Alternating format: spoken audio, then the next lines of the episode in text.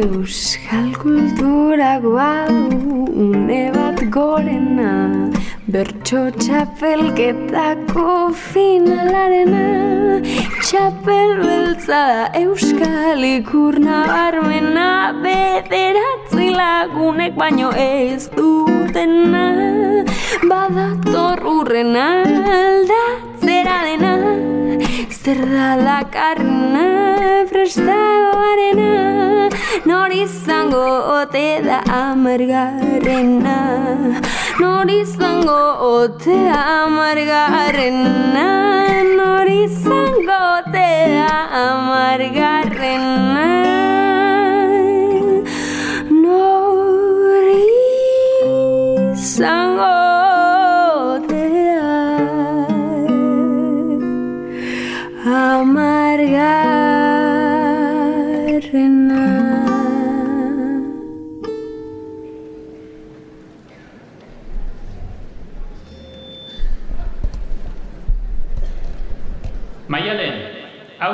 kartzelako gaia.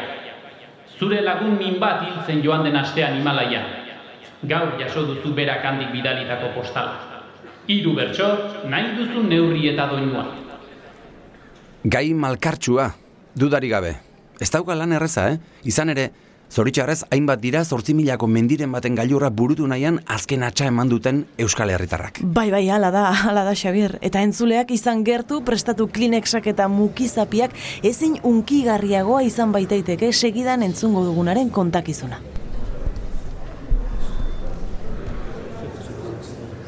Buruari azka egin, eta adi, kantatzen astera doa.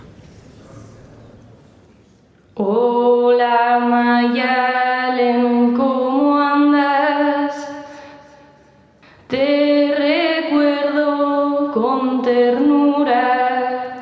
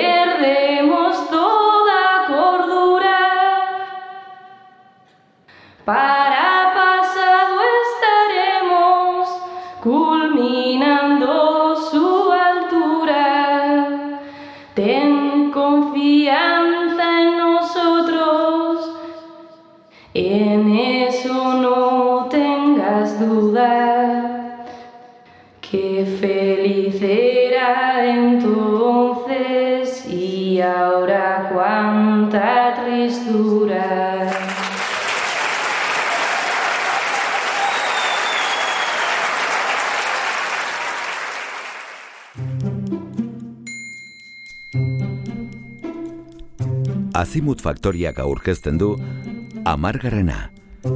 EITB podcast atariarentzat sortutako fikzioa.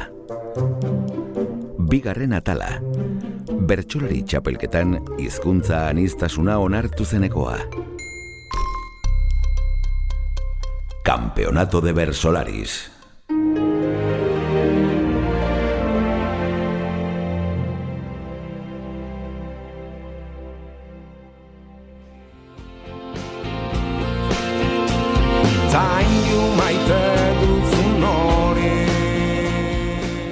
Eta aria itengo balitz, eta utxiko balitz katea. Hogeita bat garren mende bukaerako euskal gizarteak, bere nortasunaren epizentroa leku aldatu egin du. Euskara ez da jada gure territorio libre bakarra. Euskal identitatea inoiz baino kontzeptu lausoagoa da. Hizkuntza bera ere ezbaita ezinbesteko ezaugarri. Euskal Herritarra izateko. Izan zirelako gara, baina... Eta espagenu izan nahi? Goizeko zortziak dira. Euskadi irratian, Faktoria. Egun on berriz, eztabaidarako eta solasaldirako tartea dugu orain gaurko gaia Eusko Jaurlaritzak argitaratu berri duen amazazpigarren inkesta soziolinguistikoaren emaitzak. Euskarak beste berreun mila iztun galdu ditu azken neurketatik. Galera nagusia gazteen artekoa da. Inkestatuen iritzien artean, erabilgarritasuneza eta zailtasuna nabarmentzen dira. Guztiz bat nator iritzi horiekin. Bigarren pandemiak eragindako krisi ekonomikoak normalizazioko politikak ahuldu zituenetik, Euskara maldan bera joan da. Ez dugu dirurik, ongizate estatu batek eskatzen dituen gizarte politika guztiak baliabide zornitzeko. Bai, bai, bai, dudarik gabe. Gogoan dut izaro abeslariak gaztea zenean esaten zuela e, berak ez zituela hizkuntzak aukeratzen baizik eta kantuek eurek erabakitzen zutela euskaraz, gaztelaniaz edo ingelesez izan behar zuten. Xavier Amuriza handiak berak ere esaten zuen euskarari zortzi mila bat hitz falta zitzaizkiola mendearen hasieran, eh? Eta gabezia hori handitzen joan da urte zurte. Bai, bai. Egoera horretan, mm, logikoa da iztunek oroarreta bereziki sortzaiek erdaren aberastasunera jotzea.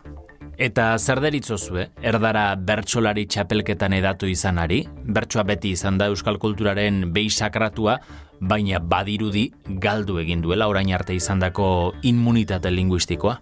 Nik onartu behar dut hasieran burugabekeria monumentala iruditu zitzaidala kontua. Hirietako sasi bertsolariek abiatutako kirtenkeria totala. Hmm. Baina zigor edortzaren bakarkako entzunuenean, azken txapelketako finalean, txundituta utzi ninduen. Bai, bai, sekulakoa izan zen. Gaztelaniak bertsoari ematen dio indarrak, bapateko sorkuntza, poesia idatzi jasoaren pare jartzen du. Baina, ikaragarri gainera, gaztelaniaz eh, botatako bertsoa, asko ze intelektualagoa geratzen da. Artxiboan eskura dugu zigor edortzak egindako bakarkako lana eta botatako lehen biziko bertsoaren zuzeneko emisioa. Entzun egingo dugu, jardezagun. Aturritik errora herri bat badela belodromoa izan liteke lekuko. Urte asko daramatzazu, zuk nahi baino tristura gehiago ikusi. Zure ondorengoentzat beste zerbait nahi zenuke. Hiru bertso, nahi duzun neurri eta doinuan. Etzaio ba gai erraza egokitu zigor edortzari, eh? Ez ez oixe. Euskal Herriaren egoera gatazkatsua gaia jatu xamarra da, txapelketetan mendearen hasieratik. Ez duzu uste, Maialen? Ba, bai, sukia, nik ez dakit honezkero gaur egun ja, ze gehiago esan daiteken egoerari buruz. Nere iritziz betiko leloaren betiko leloa. En nuestra tierra se han propagado el odio y el miedo. Cada vez que la ilusión asoma, viene un sopapo luego. Nuestro pueblo está en juego, no bloquemos el sendero. Pero este pueblo siempre ha sido de palabra y sincero. Busquemos un rumbo nuevo y emprendamos el vuelo para no darle a nuestro hijo lo que nos dio nuestro abuelo.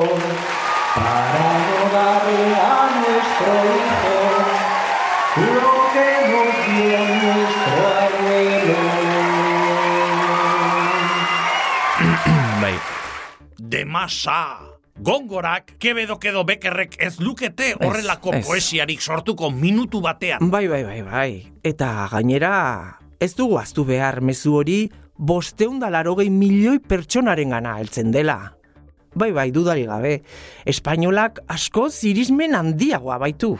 Berehala jarraituko dugu Euskararen beherakadaz eta erdaren gorakadaz hizketan, baina lehenbizi iragarkientzako tartea izango dugu. Zortzietatik bederatzietara, argirik onena, Euskadi irratian. Nei e, normalin etza gustatzen adibidez eguardiko amabitan argazki egitea.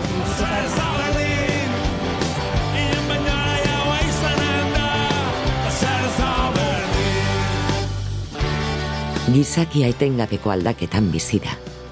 Eta agian horregatik, ezinbestekoa zaio pentsatzea gauza batzuk ez direla sekula aldatzen. Baina egia esan, dena aldatzen da. Mugarririk sendoena ere, gutxien espero den egunean, auto batek, uholde batek edo abiadura handiko trena egiteko obrek eraman dezakete aurretik. Bai, maialen, bai, bai, betiko kafete... Betiko gozaria eskatuko dizut, ezta? Bai. Le croissant eta le chocolat.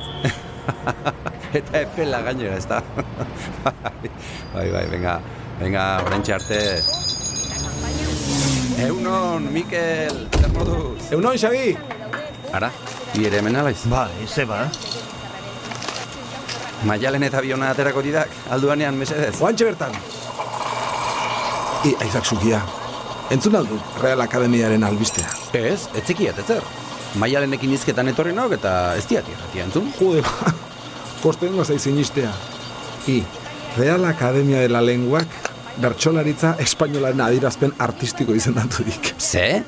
I, Mikel, favorez, eh? Inuzenten egunerako hilabete falta du oraindik. Inuzente ugari zeok hemen. Inuzente, inuzente, baina Lizaso presidente. Entzun, entzun, bida, ontsa dituk telebistan. Agradecemos la contribución que los Versonaris han realizado al cancionero popular español y reconocemos el valor de sus poesías improvisadas en castellano como un patrimonio inmaterial similar al de los juglares de la Edad Media. los juglares de la Edad Media. de, de dio. Seguro ez dela fake news today. Ke ba, ke ba, gure mundua duk. Eta today, i, today. Egunon! Hola, guapa. Egunon. Egunon, Maialen. Ze, ze, ze izeratet denak teleistari behira? Nik esango dizut, Maialen. Egunon, Xabi. Egunon. Bertsolaritza, espainolaren adierazpide artistiko izendatu dute. bueno, mesedez, Mikel, baita zeare. Ba, niri etzai gaizki iruditzen. Euskaldun guztiak elebidunak gara eta zergatik ez kantatu gaztelaniaz ere. Por qué no? Eh? Por qué no? I baina ze esaten nahi aiz? Baizea, oi, dena gaztelaniaz, eo, eo inglesez, o, o, eo txineraz, takitxo ez da? Akabo, ba, bueno, ez, akabo, ez, bai, bai, ez, a, ez, a, sayonara. Mikel, sayonara japoniera da, eh? ez txinera. Ah, ba, ba, bale, maialen enekien, eh? Nik uste diat, bertsolaritzaren esentziaren parte dela Euskara. Euskaraz ez bada, ez da bertsola. Ba, ba, ba, ba. Euskara, gain baloratua dago gure gizartean. No me fastidies. Bertxozaleek bertso saio onak nahi dituzte. Biziak, aberatsak eta beteak. Pues eso, izan euskaraz edo erdaraz. Gaztelania guztiok ulertzen dugu. Eta denbora erakusten nahi zaigu, gaztelaniaren aurkako itun isileak ez duela inoiz zentzurik izan. Ja te digo. Azken batean, aukeran jarrizkero zen nahiago duzue. Bertsolari euskalduna edo bertsolari ona. Está claro, no? Barakaldokoan naiz eta daukat paro obrero, horregatik euskaltegira, noan egunero. Euskaldunok beti izan gara abentura zaleak definizioaz. Euskal Marinelek gure hizkuntza munduari bira ematera eraman zuten. Horren lekuko dira planetako amaika bazterretan ageri diren euskal izenen aztarnak. Euskaldunon izaera eskuzabal eta abegikorraren adibide direnak. Baina berdin jokatzen ote dugu kanpoko abentura zaleak direnean gure etxera atea jotzera datozenak. Arratxaldeon, bertxozar elkartea, bai esan? Vale. Vale.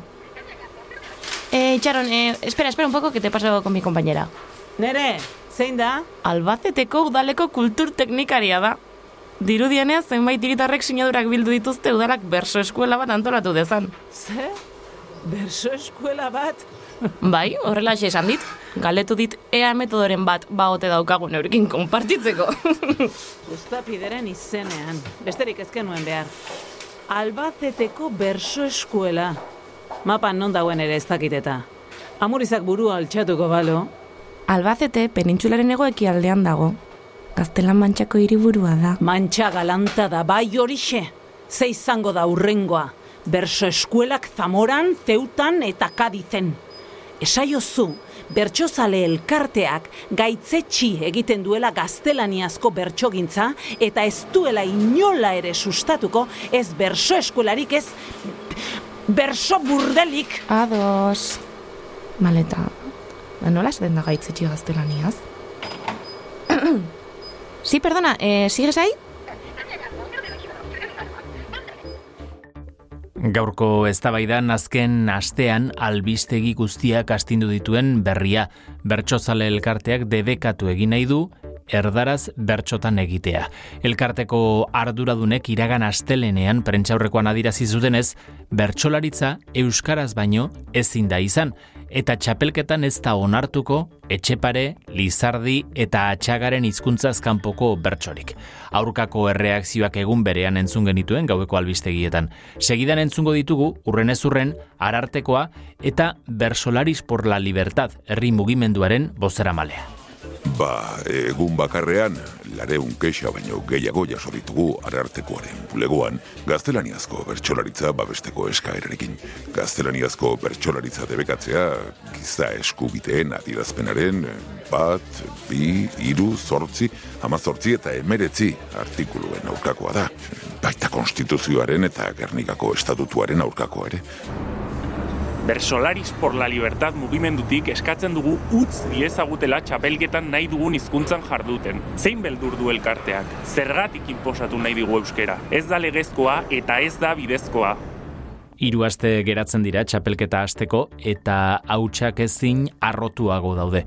Uste duzu eh, bertsozale elkarteak asmoari eutxiko diola edo presio sozial eta juridikoaren aurrean amore eman beharko du. Ez dako gizasemerik elkartearen asmoa ulertuko duenik. Ez. Bertsolaritza mugimendu aurrerako ja izan da azken mendean eta ez da logikoa hizkuntzaren aldagaiarekin horrela tematzea. Ba, ni enau askorik arduratzen kontuak. Egia esan, elkarteak ikusten duenean zenbat bertsozale galditzaken erabaki honekin, bere utziko du bertan bera meskeria ele bakarrori. Aizue, ez ahaztu, txapelketa bertxozale elkartearen diru iturri nagusia dela. Eta dirua, dirua da, jaun Andreok.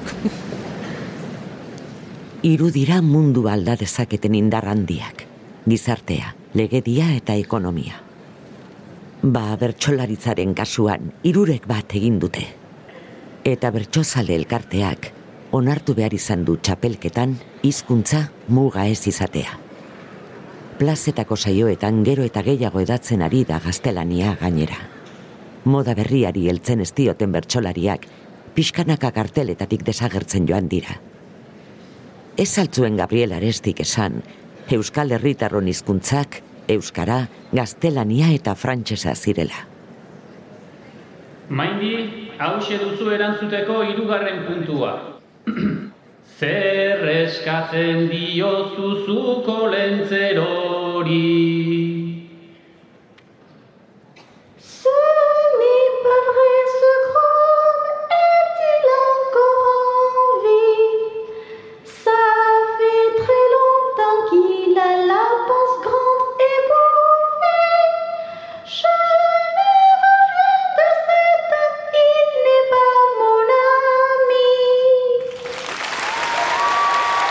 Maialen gure begien aurrean gertatu da. Bertsolari batek lehen aldiz frantsesa erabili du txapelketan. Erdararik ez zuela debekatuko ebatzi zuen azkenean bertsozara elkarteak eta endaiako pilota legoan entzun dugu lehen bertso frantsesa eta puntu erantzun batean gainera. Ez da erraza frantsesez bertsotan egitea, baina maindipuruak primerako puntu erantzuna egin du, gainera meritu bikoitza du, eh, frantsesez hain ongi improvisatzea. eta zeinek jakin zein hizkuntzatan entzungo dugun urrengo bertsoa.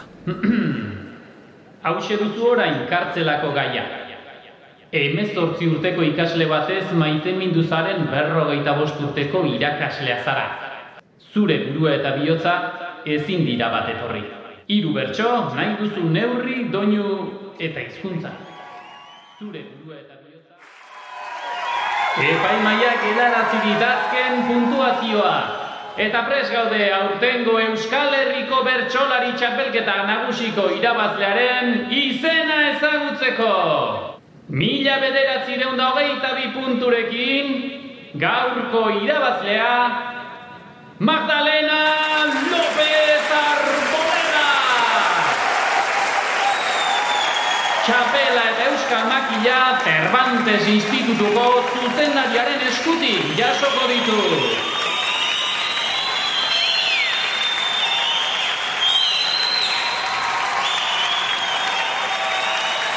Eta orain bai, entzun dezagun Magdalenaren agurra. Cuando quieras, el, el último beso. Jaun Andreok, sekulakoa da hemen gertatu dena bertsolaritzak txapeldun berria du Magdalena López Arboleda. Kazereseko berso eskuelan egin zituen lehen urratsak bapatekotasunean eta sekulako talentua erakutsi ondoren Euskal Herrira bizitzera etorri zen bertsolaritzan sakontzeko asmoz. Txapelketa bikaina egin du finalerdietan kantatutako bakarkako bertsoak dagoeneko Mexiko, Kolombia eta Argentinako edabide guztietan zabaldu dituzte. Eta YouTubeen amar milioi ikustaldi baino gehiago lortu ditu. Txapeldun berriak azken agurra kantatuko du hause izaten da lau urtetan gehien espero dugun momentua eta une batetik bestera guri agur esatea baino etzaigu geratzen.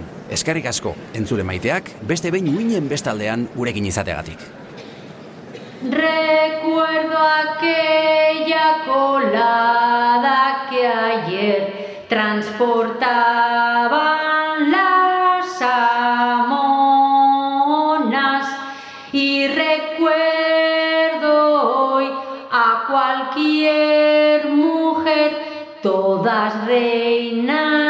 sin coronas.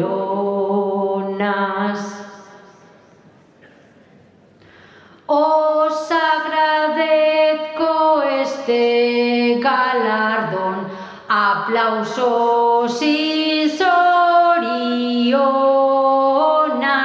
y he de terminar dedicándoos tantos premios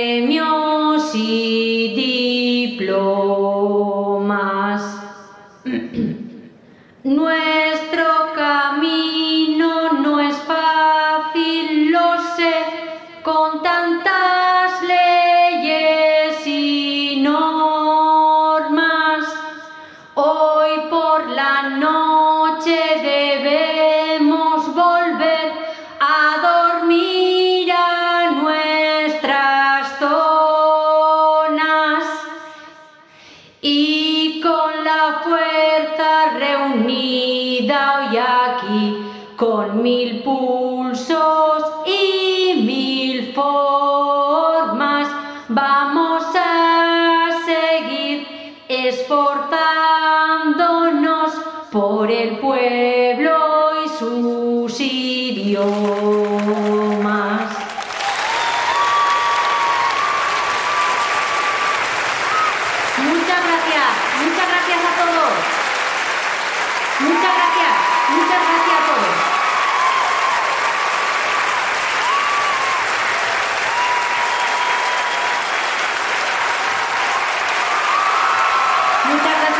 muchas gracias a todos.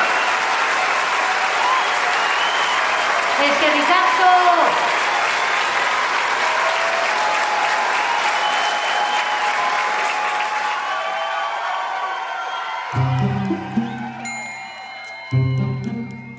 EITB podcast atariaren zat, Xabi Paiaren jatorrizko ideia batean oinarrituta, Azimut Faktoriak sortutako amargarrena sailaren bigarren atala entzun duzu. Campeonato de Bersolaris. Zuzendaria Iñaki Bera Etxe. Gidoilariak Xabi Paia eta Itzol Barandiaran.